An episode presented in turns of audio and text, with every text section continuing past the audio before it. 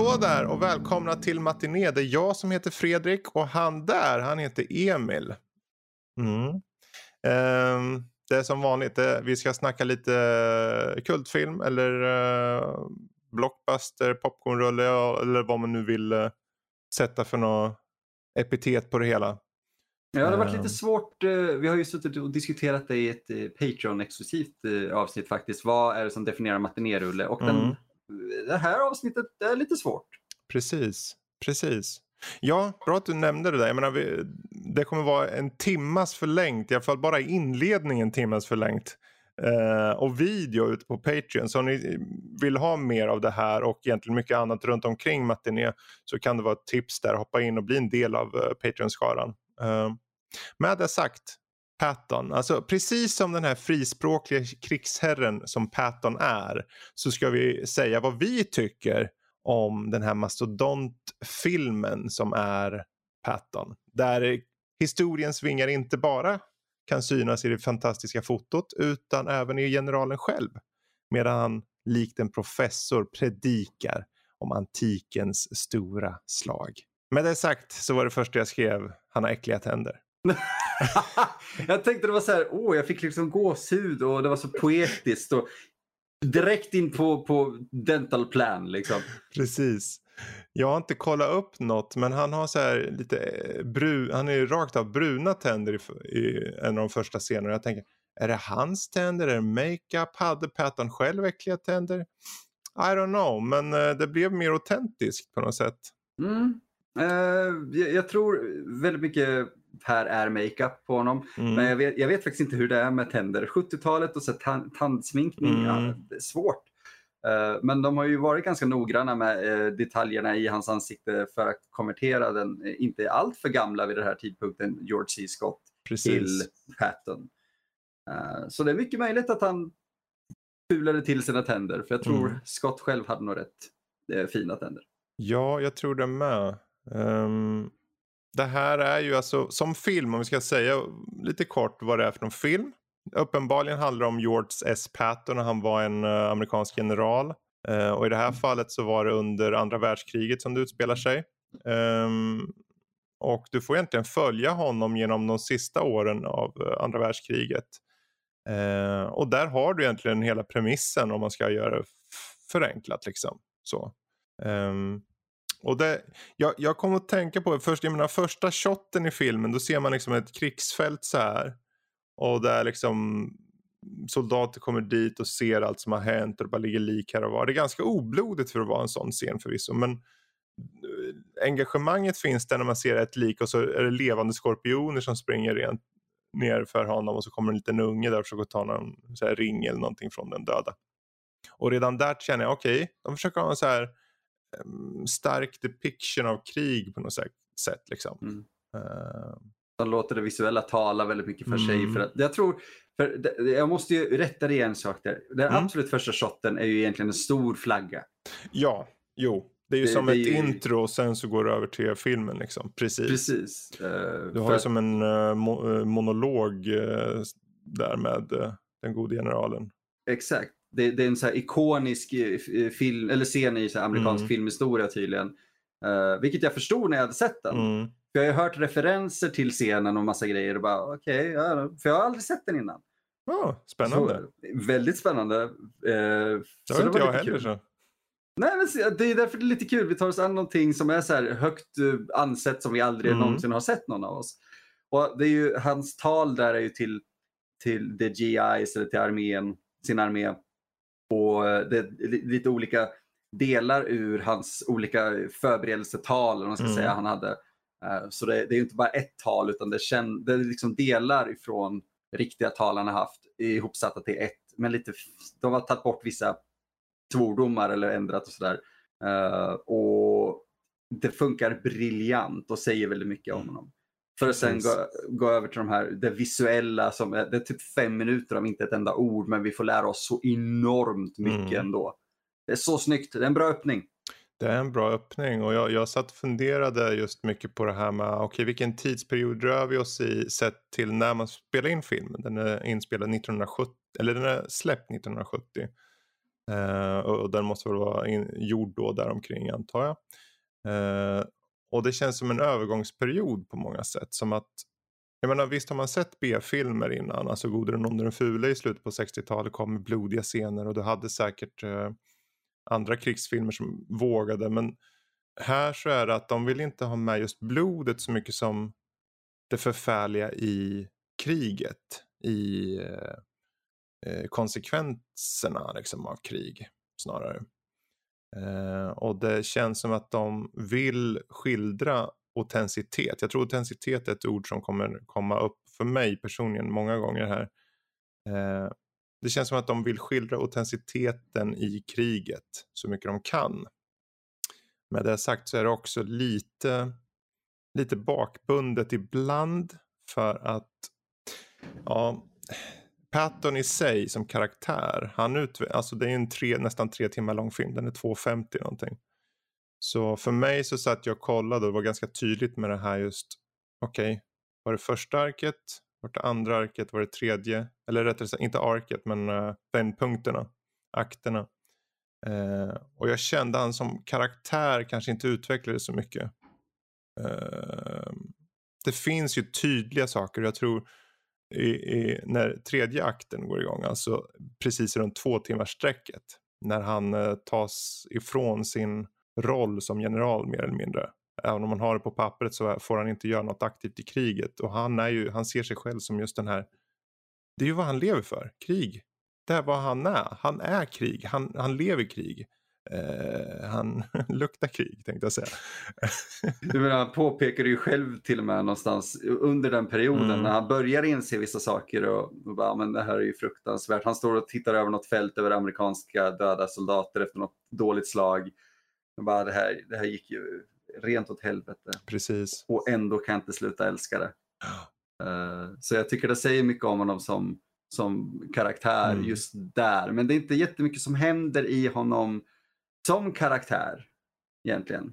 Nej, och då känner jag, okej, okay, det hänger ju mycket på att filmen förmedlar det höga, det låga, alltså att du får känslospektrumet, känner jag i alla fall.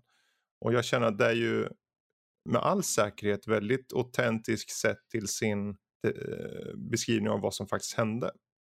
Eh, men det gör det där till en bättre film är ju frågan. Du, du vet det här gamla argumentet, men varför ändrar de det här? Det händer ju inte på riktigt. Ja, grejen är varför du ändrar saker i filmer är för att du vill att publiken ska få en bättre upplevelse. För det är ju i grund och botten också en film. De kommer inte kunna ha hela tre år av krig i en film. Då är det tre år av krig.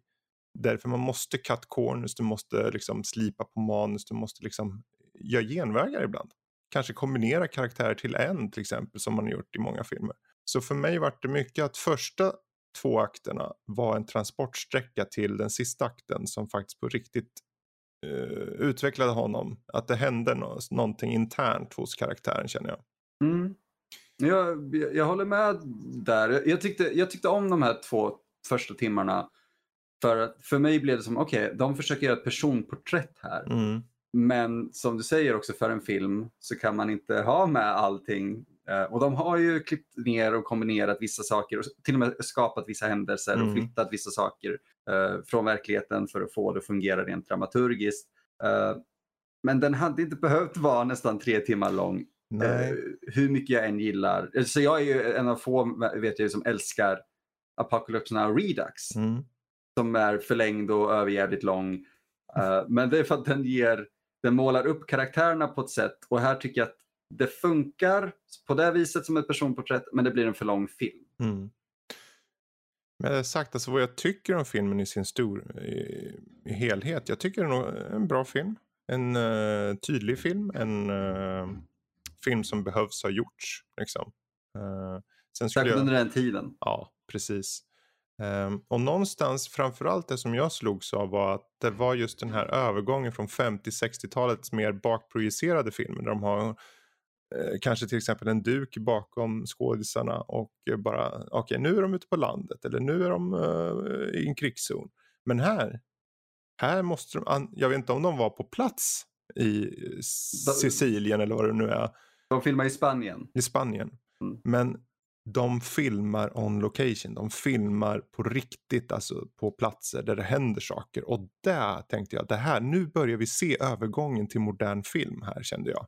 För 50-60-talets det här eh, lite campy nästan sätt att göra film. Det funkar i många, det, man ser, ah, vad mysigt en 50-60-talsrulle. Men här börjar vi komma in i den moderna filmen på ett nytt sätt känner jag. Oh ja, uh, för de filmade också, jag hittar inte namnet på den nu, uh, men de filmade med en, jag, jag, tror det var sista så här, eh, man ska säga, delen i den serien av linser och objektiv. Mm. Uh, som var, för den här är ju, jag tror den här är filmad i, i det vi idag skulle kalla för anamorfiskt. Mm. Alltså den är 2.35, ett filmad vidvinkel verkligen. Precis. och det, det här var sista filmen tror jag, och den stora filmen som gjordes med den typen av linser innan man gick över till anamorfiskt. Eh, där liksom linsen eller glaset var morfat. Alltså det, jag kan knappt det där själv, men det, det har gjort att bilden trycks ihop på ett sätt. Men sen när du projicerar den och behandlar den så blir mm. den vid vinkel. Precis. Uh, så uh, jag för det slår mig också, när man ser vissa av de här bilderna, de har fotat på plats och man bara, jag är jag är så glad att han valde att mm. ha den här enormt breda jäkeln. Mm. För att det fångar upp så mycket mer som hade gått bort eh, i bilden om man hade haft en vanlig 16-9 bild. Liksom. Verkligen, verkligen. Um, ja, det är, alltså fotot är ju något som står ut. Även om jag inte kan komma ifrån just i, mig själv när jag tittar på den och tänker det känns väldigt 50-60-tal fortfarande. Det är inte som att jag fort, det är inte att jag gått in i det moderna riktigt än. Men de utnyttjar ju landskapen. Ju fort det är ett landskap, då ska de vara där. De, ska vara, de, de säger till eh, kameramannen, du lägg dig i gräset där och så filmar du här va. När vi åker med jeepen här va. Okej, okay. och, så, och så låter du hålla på det länge va. Okej, okay. jag vill att du följer den minst fem minuter i filmen. Liksom man bara, ja, och det, det är nice. Men det är också så att jag känner ibland att ni gör det så mycket ibland så att eh, ni, eh, det är fint och jag vill att det ska vara kvar. Men ni kunde också ha klippt mer, ner alla de, all, alla de delarna med typ 30 procent. Tag bort 30 procent i längd på varje del. Så skulle ni ha fått ner hela filmens längd så mycket mer. Och ändå bibehållit de stora fina shotsen liksom. Eh, men det är just längden på dem känner jag drar ut lite på det. eh, Ja, för det är inte den typen av film känner jag. Eh, återigen, vi nämnde det kort innan. Uh, och jag, bara för att jag är inne i den sfären nu så måste jag ta upp det. Det, det är inte en Herzog-film där en bild ska gå i fem minuter utan att någonting eh, faktiskt sägs eller så. För att där använder de ett visuellt berättande om exempelvis en båt ska upp över ett berg. Ja, men det, vi ser så tydligt vad som händer att ingen behöver säga åh, titta båten, den är över ett berg. Uh, Medan här känns det som att de bara, just det, långa, långa tagningar på snygga eh, landskap. Mm. Ja, men det räcker. Ja, det räcker. Då har vi fem minuter av det. Ingenting emot de som har gjort filmen, de vet uppenbarligen vad de gör. Men det känns också så, som att de försökte få in lite för långa tagningar mm. bara för att det var snyggt. Jag menar, många gånger nu för tiden känns det som att du vill etablera en känsla också. Du vill ge en, en, en eh, du vill skapa en känsla hos tittaren när du tar de här shotsen. Som att, okay, jag känner, det fanns vissa shots som hade det, här, lite melankoli. Uh, um, och jag tycker det är intressant hur de har valt att följa karaktären Patton. Vi har ett tillfälle han pratar inför en massa, han har gjort vissa uttalanden. Det här är en bit senare, jag ska bara ta det som just ett filmiskt exempel nu på kamerarörelse de, han pratar med journalister och sen går han bort från journalister och han stiger in i, i, i inshot och, och, kameran är snett bakom honom underifrån och sen ser man honom gå en bit genom skogen bara. Det är en kort bit bara. Och jag tänker, det där skulle inte många filmer ha gjort för den tiden. Följt honom bakifrån långsamt med honom eller just de här och sådana saker. Det är mycket av det här tänket som jag känner, okej okay, nu, vad, vad intressant att se den här filmen rent tekniskt på det sättet. Att du ser hur kamerateknik, hur tänket kring fånga landskap och sånt allt mer blir vad vi är vana vid. Det är som ett startskott här nästan. Jo, det är som du sa där tidigare att det är den här mellantidsfilmen. Mm. Uh, det här var ju samma år lite grann som New Hollywood blev en grej. Precis. Uh, gamla Hollywood dog ut. Uh, ironiskt nog, eller kul nog, matinéfilmerna blev uh, ett minne blott i princip. Och ännu mer roligt, George Lucas, Steven Spielberg och Francis Ford Coppola grundar So Troop som blir New Hollywood. Mm. och Francis Ford Coppola skrev ju manuset som ligger till grund för Patton.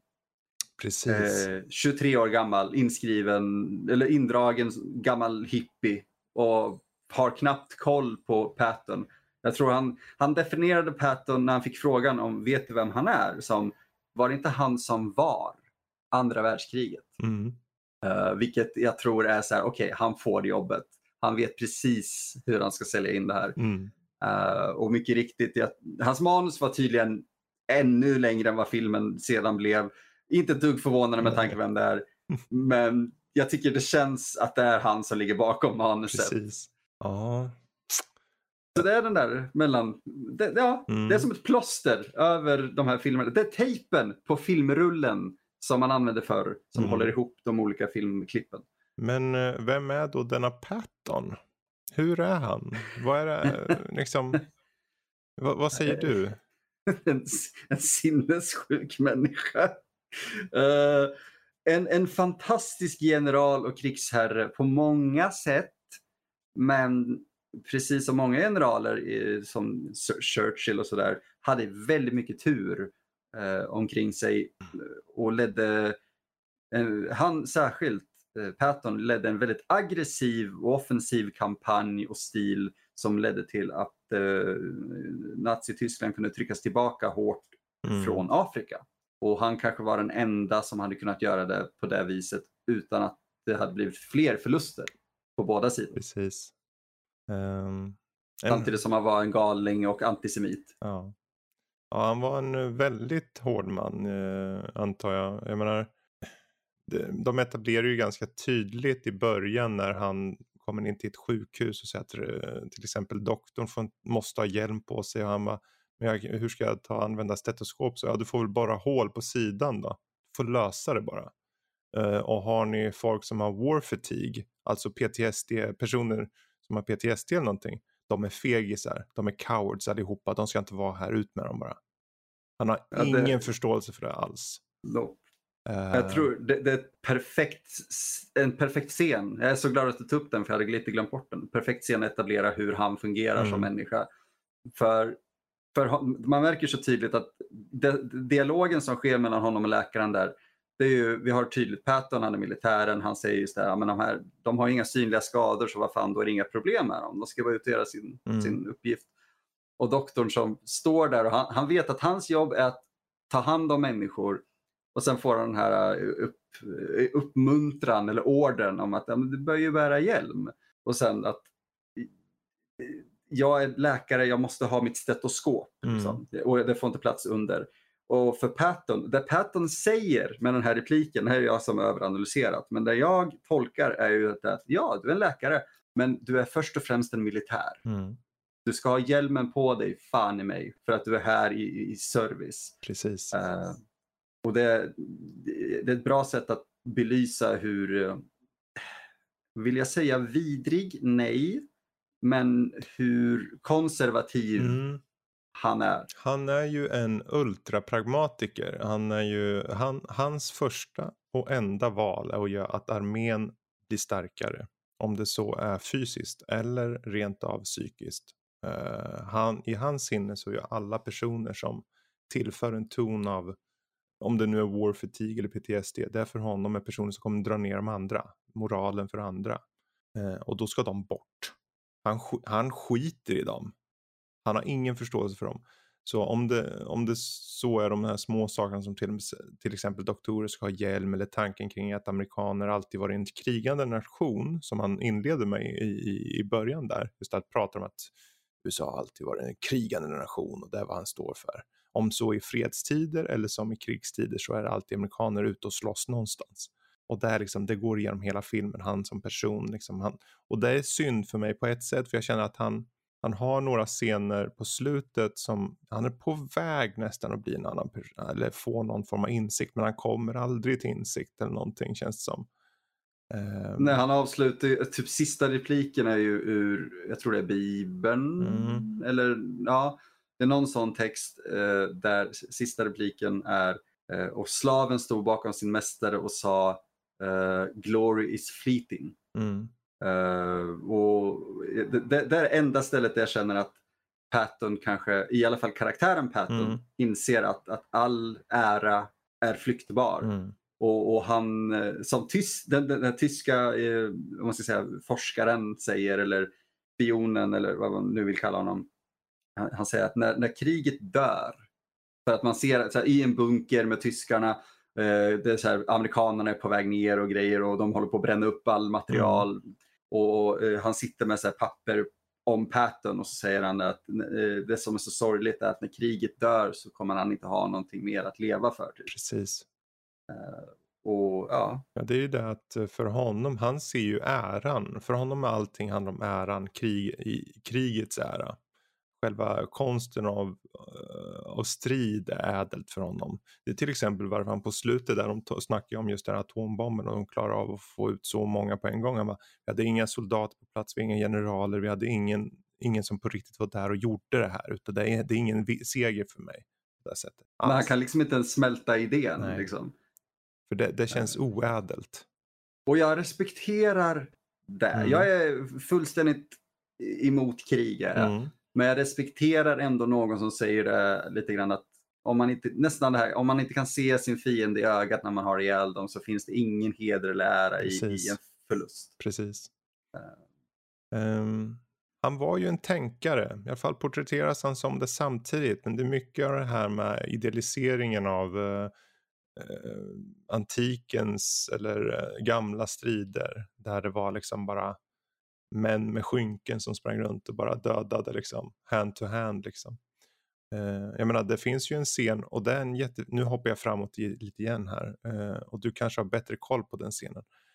Men det finns en fin scen, typ i alla fall, det är när Patton kommer till ett slagfält senare i spelet, det här är typ sista timman. Eh, alltså det är döda överallt och det här är första gången på riktigt som jag ser mycket blod. Eh, och han ser en skadad soldat som lutas upp mot någon tank, en gammal tank av något slag. Eh, som säger att den här striden höll på i många timmar och att det slutade med liksom eh, ren så här, handgemäng, alltså knivfight för att ha slut på vap- skott och allting. Och han böjer sig ner bara och pussar pannan på soldaten. För att för honom så är det ju då, det här är den renaste form, formen liksom av krig. Och eh, på ett sätt så han hyllar ju soldater som ger sitt liv. Eh, och han säger också, för han har ju en sna- han snackar ju där om att det här är vad han älskar. Mm. Säger Jag tror det är den scenen när han säger det, Ah. precis. Och det säger han där på ett slagfält med döda, liksom ligger lik överallt. Det här är vad Mm. han älskar. Han säger det ändå alltså, med en sorg Mm, rösten. Han inser hur sorgligt mm, det är. Liksom. precis. Det var en, jag tyckte det var den scenen och den som står ut. Bland annat eh, en av de bättre som står ut då.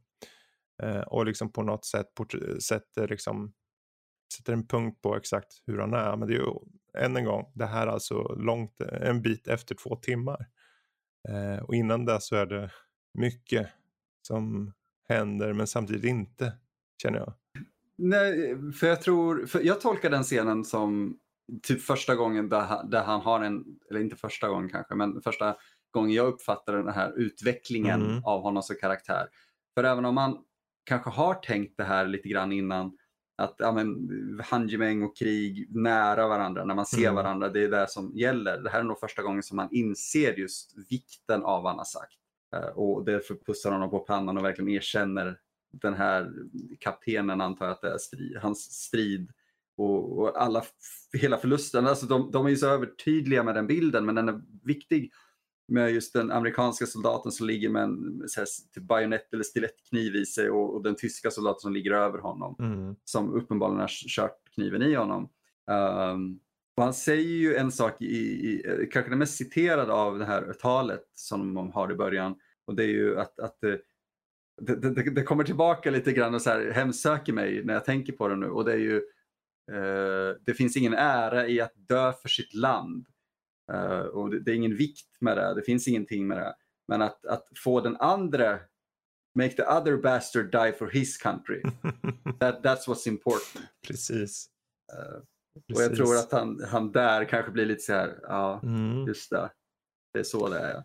Ja, ja, det är just det här. Jag, jag ska, nu hoppar vi tillbaka lite eh, till där vi var i början. Jag snackade om autentiteten.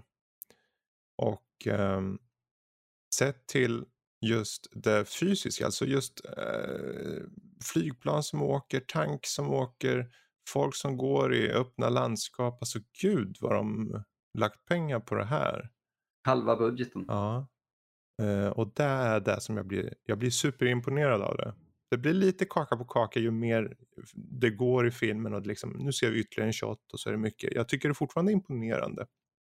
Men det är framförallt när de har liksom bombarplan och grejer som kommer och släpper bomber och det är väl koordinerat och bra. Jag tänker det här är en bra produktion.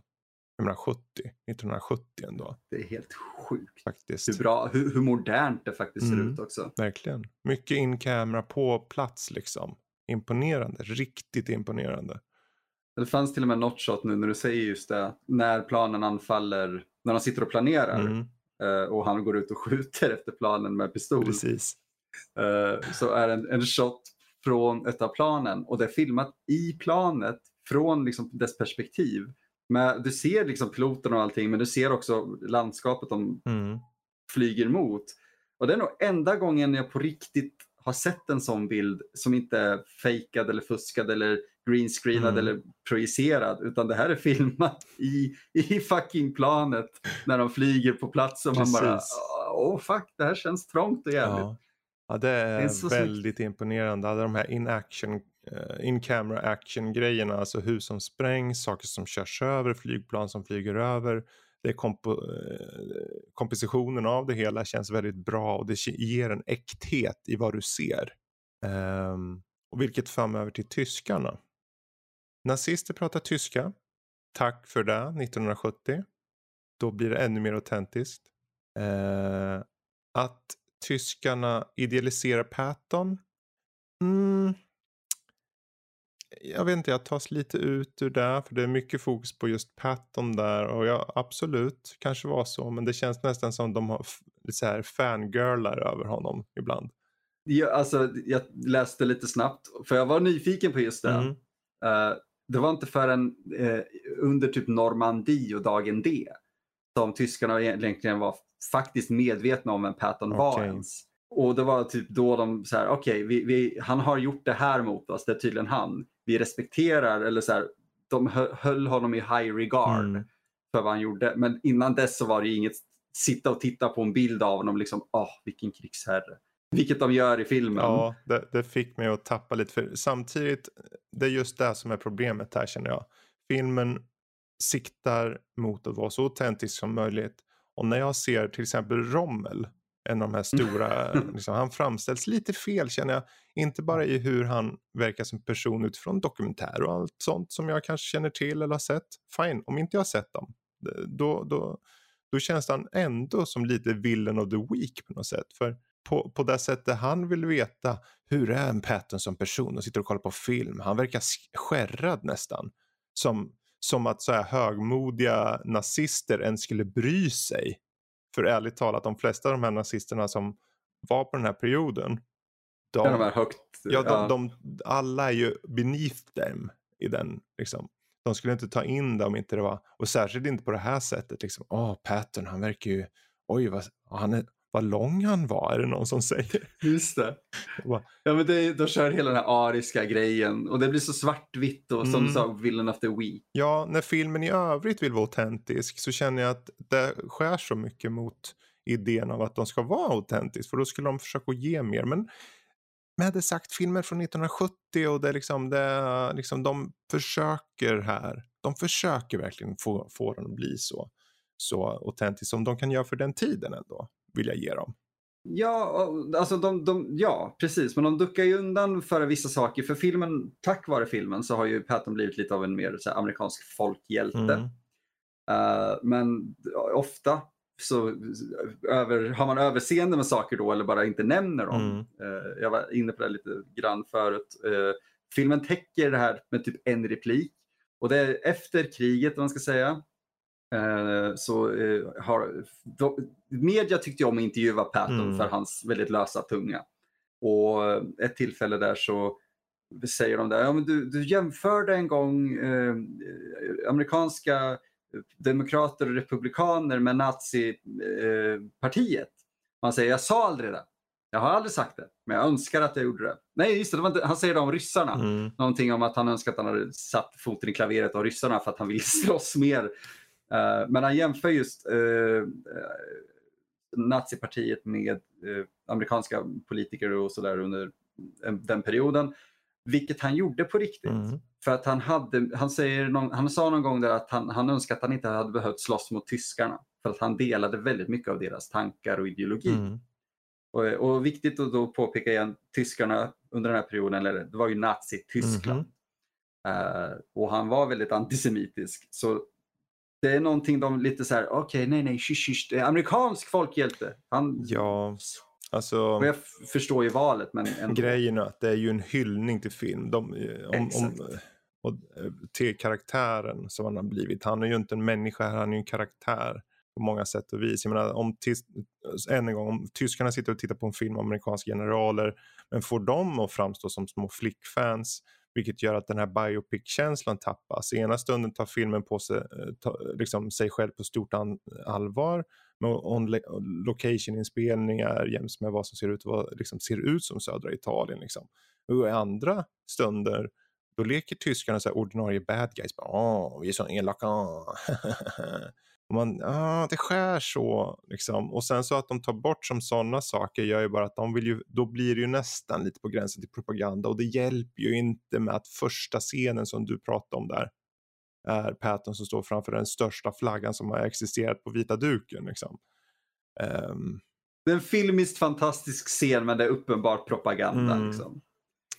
Eh, vilket, fine, Ja. I guess. Om man har med sig det i bakhuvudet, men jag tror inte merparten av publiken på 70-talet hade Nej. den när de såg den. nej. Filmfan vann ju var sju Oscars och de, en sak som inte var vanligt vid den här tiden var att de släppte den typ året efter på bio igen. Okej. Eh, ja, på grund av dess Oscars Mm. eh, nomineringar och vinster. Eh, tillsammans med MASH, Mm. filmen då. Ah. mm, för att dra in mer pengar och så.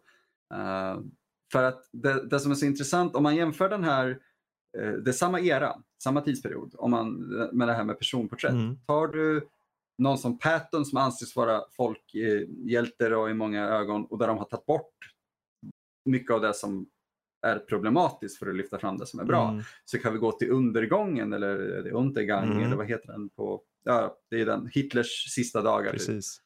Eh, där de har tagit en, en människa som verkligen, ja, fruktansvärd diktator, massmördare liksom. Men så tar de det här, okej, vad var det som gjorde honom mänsklig i andras ögon? Och så lyckas de lyfta upp det jävligt intressant utan att ta bort just det här, han var en vidrig människa. Och där erkänner de allting med hull och hår och här har vi mer, ta bort det där som var dåligt Mm. och så lyfter vi upp det. Eh, så det, jag tror det är därför den här inte riktigt når ända upp för mig. För jag gillar filmen. Mm. Som du sa, det är en bra film. Men den når inte riktigt ända fram. Ja, och för min del det handlar om eh, sympati också. Jag, jag kommer egentligen, jag får aldrig sympati för Patton riktigt om jag ska vara helt ärlig. Inte ens i slutet när han får överge sin liksom, placering eller sin rang eller vad man nu ska kalla det. Liksom. Eh, Nej, men han hade sig själv att skylla för det. Så Ja. därför man känner inte för det då. nej, så då, då, då, liksom, då var det bara ett porträtt. Eh, och det är ju, jag funderar på, är det ett porträtt av honom eller är det mer att de vill eh, alltså filmen är ju nära nog steril i början på det sättet att det här är ju en, den här biopicen eller vad man ska kalla vad det nu är för någonting snarare bygger upp omständigheten av kriget mer än mannen Patton. Han framställs som en strateg, en tänkare, en historiker. Men hur utvecklas det? Hur tar de, hur, vad är poäng? För ärligt talat, om du visar en person i början av en film att han är en tänkare, att han är en historiker eller att han gillar vissa saker. För mig personligen tycker jag att då ska du ha, det ska finnas en poäng det ska finnas en poäng med att du visar en viss sak så att det ska finnas något i slut. Som man, jag, jag tycker bara att film ska vara, det, det är ett medium, det är, det, all, det finns ingen film, fiktion, liksom, som är äkta på det sättet att det är så det gick till. Om det inte är en dokumentär och då är de också vinklade många gånger. Så jag tycker de borde ha tagit det. Men det är lätt för mig att säga det var liksom 50 år sedan den här filmen kom. ja, det men det var, ändå, alltså, det var ändå under en period tycker jag. För jag, jag, jag är inget fan av en alldeles övertydlig treaktstruktur. Jag är glad att den inte följer mm. det till 100 procent. Men det är fortfarande det du säger. Jag vill ha någon form av så här, när den är så lång och ett personporträtt, ge mig någon form av sensmoral eller förändring karaktären går igenom. Det, det känns som att sensmoralen här är va, va, antingen var tyst eh, då och då eller var ödmjuk. Och det är, så här, det är lite halvointressant med en karaktär som inte riktigt lär sig det ändå. Uh, han kanske inte gjorde det på riktigt. Uh, jag har inte hunnit läsa på så mycket om Patton. Uh, men vi, alltså, det här är en man som tror att han var reinkarnerad mm. för femte gången. För han pratar om att han, han skriver poesi och så. Och det är till och med någon scen där han nämner det. Eh, de säger till honom att du påminner ju om typ Napoleon eller någonting sånt där. Eller en soldat under Napoleon. Bara, ja men jag var ju det. Och alla skrattar lite grann. Och han trodde ju det att han hade ju varit återfödd för mm. alla de här stora krigsherrarna lite grann. Uh, och okej, okay. om han, jag hade, kolla närmare på det då. Jag hade velat veta hans syn på det sen mm. i livet. Han dog ju bara typ två år efter. Han dog 46 tror jag. 46 var det. Till. Så han okay. levde inte mycket längre efter kriget. Nej, han dog ju av en olycka dessvärre, vilket är väldigt eh, tragisk bortgång för en Hur dog eh, han? sån han dog, eh, detaljerna kommer jag inte exakt ihåg, men det var, han var med några vänner på en jaktutflykt om man ska säga. Och de satte sig i en bil och han sa då, han sa någonting väldigt ironiskt, jag minns inte exakt vad, något om att eh, när kriget är över och allting mm. är så fint och lugnt så det är då livet blir bra för alla andra förutom mig eller något sånt. Uh, någon minut senare så kraschar någon annan inne i deras bil alla klarar sig i bilen förutom Patton som slår huvudet i baksätet eller så här, i glaset i baksätet, om man ska säga, i fönstret. Eh, skär upp något kolossalt i nacken och så, så att hans eh, ryggrad liksom, typ kapas. Han blir paralyserad och han kan inte andas. De kör honom till sjukhuset och 12 dagar senare så dör han. Och allt Tjena. han sa under den här perioden var i princip det här var ett jävla sätt för en människa att dö. Mm. Det förklarar, det förklarar den där scenen med um, på slutet av filmen när mm, han går Precis. på gatan och så kommer det någon vagn av misstag bara rullar ner och nästan träffar honom. Man säger ja, mm. eh, för honom är det ju att dö i strid som gäller. Allt annat är ju bortkastat liksom. Exakt. Eh, Okej. Okay. För... Jag tror han mm. Mm, nej, jag tror han valde just att ha med en, en olycka där. Mm. På sam, liksom, jag tror det var typ så olyckan gick till. Eh, men att han hoppar undan mm. den. För där är det så här, lite konstnärlig frihet att bara, vi kan inte låta filmen om den här mannen dö, eller sluta på det här sättet. Och istället får han gå mot, uh, mot berg med sin hund mm. och ha just det här, uh, all, all ära är flyktig Precis. monologen. Vilket ett, om man blir lite mer så här, konstnärlig frihetsmänniska och tänkande så är det ett bra slut. Mm. Så sätt. Absolut. Jag, tycker, jag måste bara kommentera att jag tycker det är så kul att den släpps 1970. Eh, de var mitt i, eller i slutfasen av Vietnam. Uh, och han säger en sak i början, för jag tror det här släpptes lite som en propagandafilm för kriget och för amerikanerna den här perioden.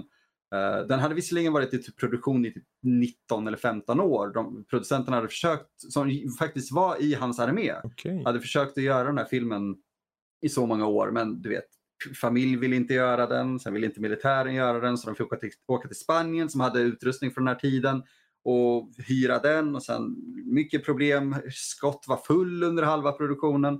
Uh, så det var många problem men de fick den gjord.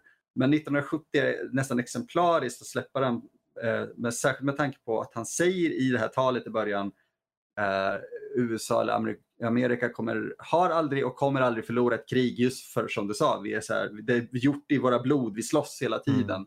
Och de förlorar Vietnamkriget ett par år senare.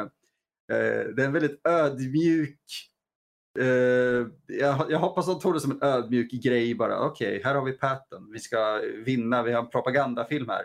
Vi förlorar mot Vietnam och bara. Okej, okay. lite mer ödmjuka då kanske. I don't know. Jag tänker inte på amerikaner som ödmjuka. Så Nej. vem vet. Um, ödmjuk. Att få honom att bli ödmjuk. Ja, det är ju en svår sak. Särskilt när han extra osympatisk när han träffar den här PTSD-soldaten i tältet där i mitten av filmen. Oh, Gud. Vilket är egentligen en av de stora eh, vändpunkterna på ett sätt, eller skapar en vändpunkt senare.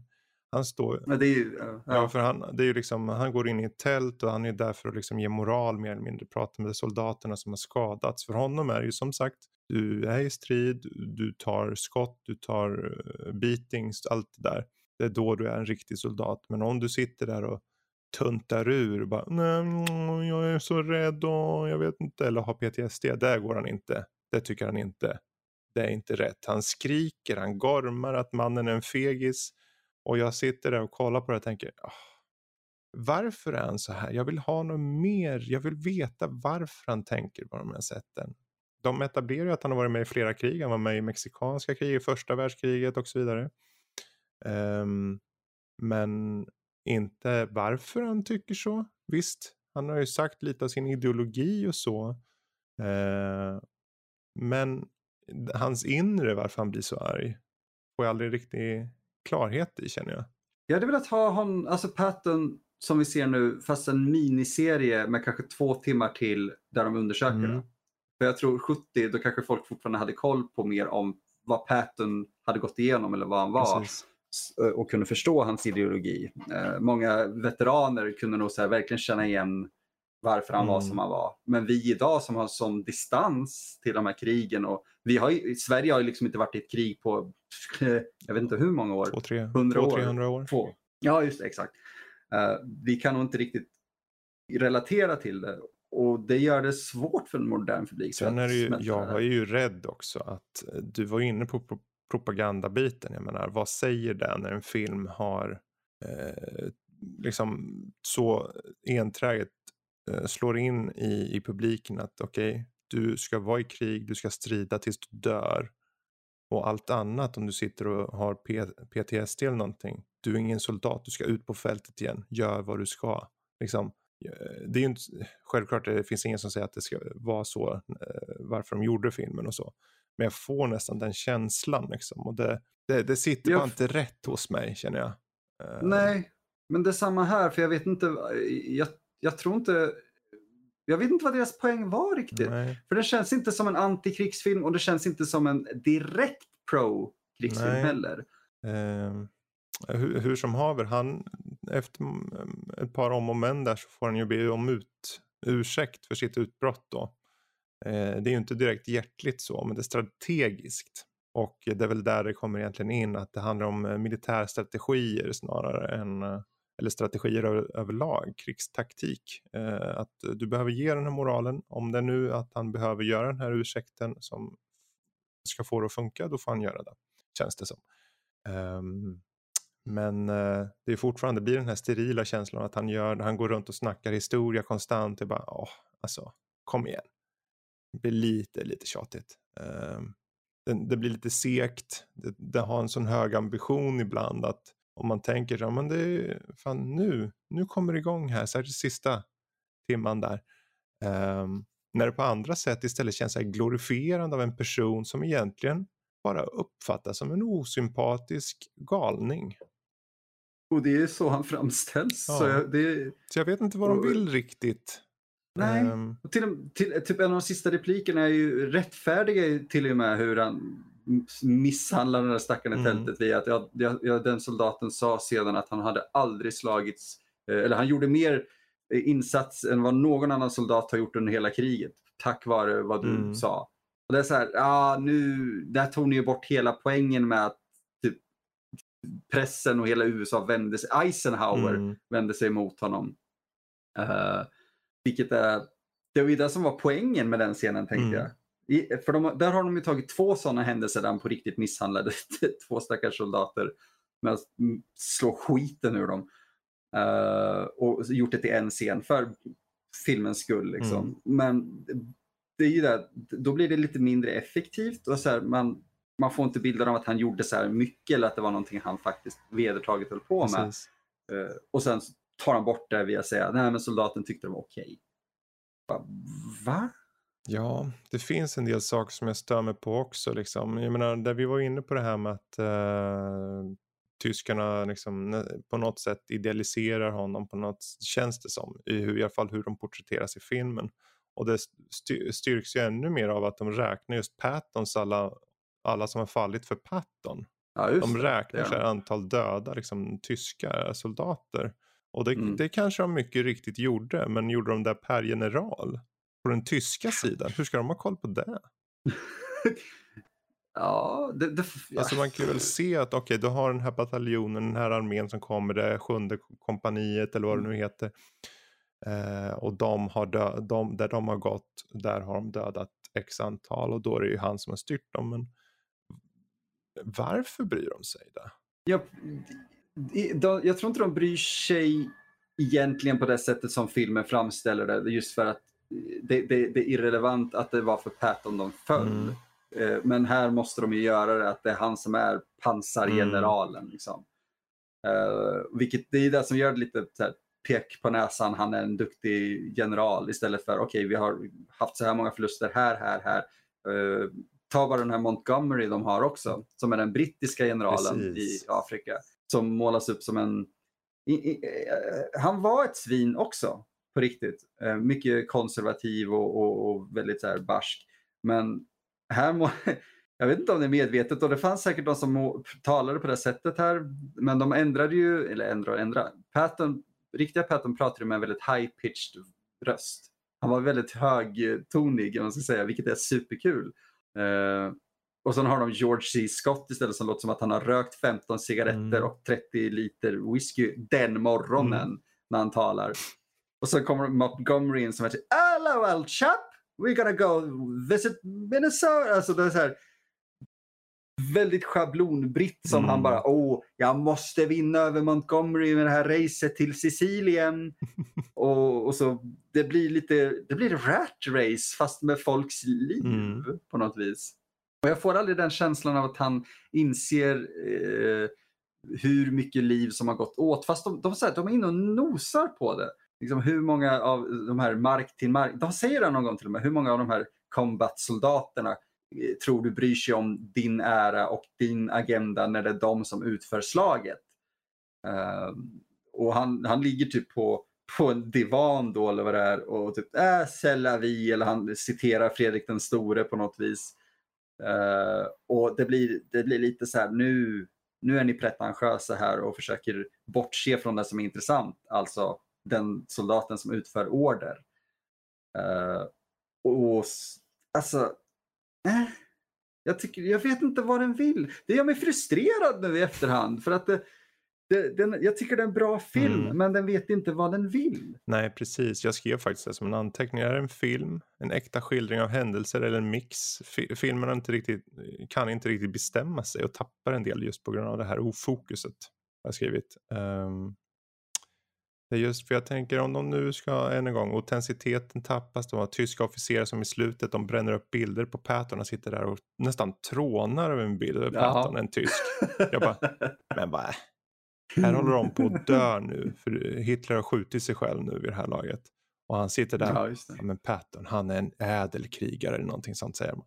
Och jag bara, det Precis. skulle inte du ha sagt. Du är ultranasse för fan. Du skulle ha spottat på den och bara skitit i den. Du skulle inte ens ha lyft upp den. Du skulle inte ha brytt dig. Du skulle bara ha dragit.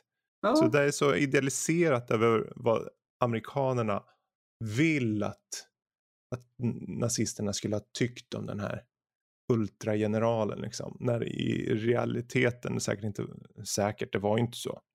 Eh, Nej, de, de hade kommit- säkert någon form av respekt för det i senare Mm. skedet, men de var ju nazister. Ja, men som jag sa innan, där, de var inte ens medvetna om Nej. hans eh, existens förrän Normandie. Mm. Och då var han inte ens i Normandie. Han skö- skötte någon undanmanöver där han inte ens styrde en armé. Mm. Han skulle vara någon ploj. Precis. Och... Va? Ja. Ja. Så det är lite synd. synd. Det, det, det är en bra film men den hade varit bättre som total fiktiv historia. Mm, känner jag tror det med. Men, Med ett tydligt mål. ja. men det sagt, alltså George C. Scott gör, alltså han, eh, han är bra. Han är Han briljant. är som, bra. Och eh, man förstår ju varför han var sett som en av de bästa skådisarna för sin eh, generation. Liksom. Ehm, jag menar, jag kommer ihåg, jag såg, nu var det ett tag sedan, men jag såg den här remaken på 12 Angry Men. Och då är han med som en jurymedlem. Alltså det är ju en hel kavalkad av skådisar i den. Eh, du har ju J- James Gandolfini, Jack Lemmon i huvudrollen. eh, Edward James Olmos, eh, William Peterson för de som gillar eh, CSI. eh, och George C. Scott då bland annat. Och så vidare och så vidare. Och det är liksom, för mig så var det, ja ah, men du den här killen, fan vad bra han var, vad har han gjort för någonting? Kom jag på typ 97. Och då har han eh, uppenbarligen, han, det här Patton är en av de filmer som han blir nästan mest känd för. eh, eh, har jag för mig. Ehm, med tanke på Ja, alla Oscars och det. Så. Precis. Han, som han vägrade ta emot. Jaså? Jajamän. På grund av... Fa- eh, På grund av att han ansåg, eh, nu säger jag inte att jag eh, härmar honom, men på samma sätt som jag anser att Oscarsgalan är en jävla schablon Mm. Så gjorde han det med, med att säga att det är, det är ingenting annat än att sätta bra skådisar som gör olika jobb mot varandra eh, för, för höga nöjes skull hos andra i den här jävla köttparaden, Mm. tror jag han sa. Eh, Lite som alltså Marlon Brando, också Mm. så här stor, svår skådis. Eh, äh, det är så här, de bryr sig Mm. inte. Och det tycker jag för mig, det, det gör någonting eh, med de människorna ändå. Att de är så svåra att jobba med, att de är så eh, inte efter det då högst ansedda priset utan de gör sitt jobb för att de gör sitt Mm. jobb. De ska skådespela och vara den här människan. De, de, de tar ju reda på allt de kan. Jag tror att han till och med bad om ursäkt till eh, regissören för Patton för att han sa jag kan inte greppa den här mannen. Jag, jag gör vad jag kan men jag kan inte greppa honom. Och ändå vinner han en Oscar. Och sex, sex år senare gjorde han Beauty and the Beast han spelar Be- eh, Beast i form av en gris. Men det är ju för det är ju Marlon Brando. Det är liksom, ah, vinner Oscar, ta inte emot den, nu åker jag iväg och gör Dr. Island, eller Island of Dr. Monroe liksom. Mm. Så här, vad fan, vad pågår? Med det sagt, eh, runt sex år innan Patton så gjorde han ju, eller var han med i Doctor Strangelove. Jag tänk, tack för att du sa det. Jag tänkte ta upp det. Att om man vill se en krigskritisk film Mm. med George C. Scott så är det definitivt den man ska välja. För den är så mycket Mm. tydligare med vad den vill säga. Där har vi en och- film som inte kanske platsar sig egentligen för matiné, men som skulle kanske platsa sig som en Patreon-exklusiv sak att snacka om. Se Ooh. Doctor Strangelove, eller hur jag älskade, hur jag slutade ängslas och lärde mig älska bomben. Exakt. Det är världens bästa titel. Ja, nej men vi ska väl inte dra ut på det här något mer utan jag, jag kan säga att den här får eh, fyra bävrar av sex möjliga. Jag tycker det är en sevärd film, den är aningen långtråkig på sina platser. Och Det den är lite den. motsägelsefull på ett och annat men porträttet från George C. Scott, eh, spot on. Eh, Det Mm. är på många sätt en viktig film rent filmtekniskt tycker jag. Mm. Och ehm, lite av den gamla skolans film när den har i mitten av filmen, för vi behöver ju utfylla ännu mer med intermission på ett par, jag vet inte Ja. hur lång tid det var. Eh, jag bara, här var det intermission ja. Okej, ja det är sant. Den var väl i precis perioden där när intermissions började försvinna kanske, eller? Ja, 70-talet där. Mm. Det, det, vet du, det är fan mig någonting man bör ta tillbaka. Om nu filmer ska fortsätta vara tre Mm. timmar långa, Marvel Endgame, jag tittar Mm. på dig, så ha ett intermission. Sagan om ringen. Ja, Sagan om ringen, åh gud, ja. Snälla, jag måste få gå och pinka utan att förlora vad som sker i de här filmerna. Jag orkar inte annars.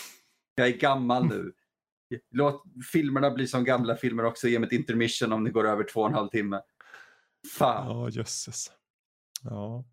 Men uh, vad, vad, vill du avsluta med några ord om filmen? Ja, det kan jag göra. Därför att jag tycker det här, det här var en film jag har haft på min uh, att se-lista väldigt länge. Jag är väldigt glad att vi såg den. Uh, den var visuellt mer uh, intressant än vad jag trodde den skulle vara. Den var till och med mer visuell, visuellt intressant än vad jag tyckte att resten av filmen mm. var. Uh, jag jag är lite inne på det där som du var. Det här är för mig kanske en, ja, men så här, en 7 av 10 film. Mm. Vilket, det är inget fel med det. Jättebra det. Ja, precis. Det, jag tänker många kanske har så här speltänket att 7 av 10 betyder skräp i många mm. fall. Uh, 7 av 10 för mig betyder att det är någonting man definitivt bör kolla upp. Det är bara inte det mästerverk som vissa kanske målar mm. upp det till. Uh, men, ja, det är definitivt värt att lägga tre timmar och se mm. den. Tveklöst. Så det tycker jag att ni ska göra. Absolut. Jag menar, är ni någon så här filmvetare eller bara intresserade av film överlag liksom, på den gamla skolan och kanske just de här filmerna som på något sätt pushade in filmindustrin i den moderna filmen så, mm. så tycker jag det är en viktig film också. På det, på det här sättet då ska man definitivt se den. Den är intressantare på ett sånt plan mm. än vad den är som film. Precis. Det, övergångsperioden är väldigt tydlig Precis. Bra, men vet du vad som också ska vara en övergång? Det här som går till uh, Wheel of Matiné. Fredrik, snurra på matinéhjulet! Okej, nu ska vi se. Verkligen 50-50 här nu. Det är superkul. Oh, oh, oh. Ja, det blir Indiana Jones. Nice. Det blir Indy. Nice. Då, vi är där alltså. Mm, vi har kommit Spännande. Dit. Den eh, verkligen arketypiska mm. matinéfilmen. Verkligen. Byggd på matiné. Jag hoppas inte jag hittar skit i den nu då. Eller? Du ska hitta skit i den. Det är det som blir ditt. Du, är så, du älskar den filmen så mycket att nu ska vi börja hitta skit. Ja, men vi ska försöka att se den med lite öppet sinne och faktiskt ta in saker och kanske se om vi kan hitta nya saker att prata mm. om och mm. så. Vet du vad du bör se till den här? Slår det mig nu. Nej. Jag kanske borde säga det off mic, men jag säger det så här. Det finns nämligen en, en dokumentär om, ett, eh, eh, om ett, en bunt barn som eh, blev amatörfilmare som gjorde en egen remake av Raiders. Okay. Och man får se, ja, man får se mycket av deras material filmat från att de är typ 11-12 till att de är 30, 40, kanske ja, till att de är vuxna och alltså okej, okay, för den här dokumentären så har vi samlats igen några av oss hatar varandra, men vi har samlats igen för att göra färdigt våran remake av Raiders of the Lost mm. Ark. Uh, och man får se materialet från, du vet, oh, här filmar vi i min trädgård till hej, vi har hyrt en stor flygplats och vi spränger skit. Uh, den dokumentären tycker jag att du bör se för att få ett, en, ett perspektiv till för att du kanske mm. känner att okej, okay, jag har inget nytt att säga. Ja, sant. Det, den får du skicka till mig, en länk eller någonting så att jag kommer ihåg Självklart. namnet så tar vi det. Kolla på. Um, jättebra, men då så. Då har vi matiné uh, klart för den här gången. Det var Pattern som revs av och uh, nästa gång blir det uppenbarligen Raiders of the Lost Ark.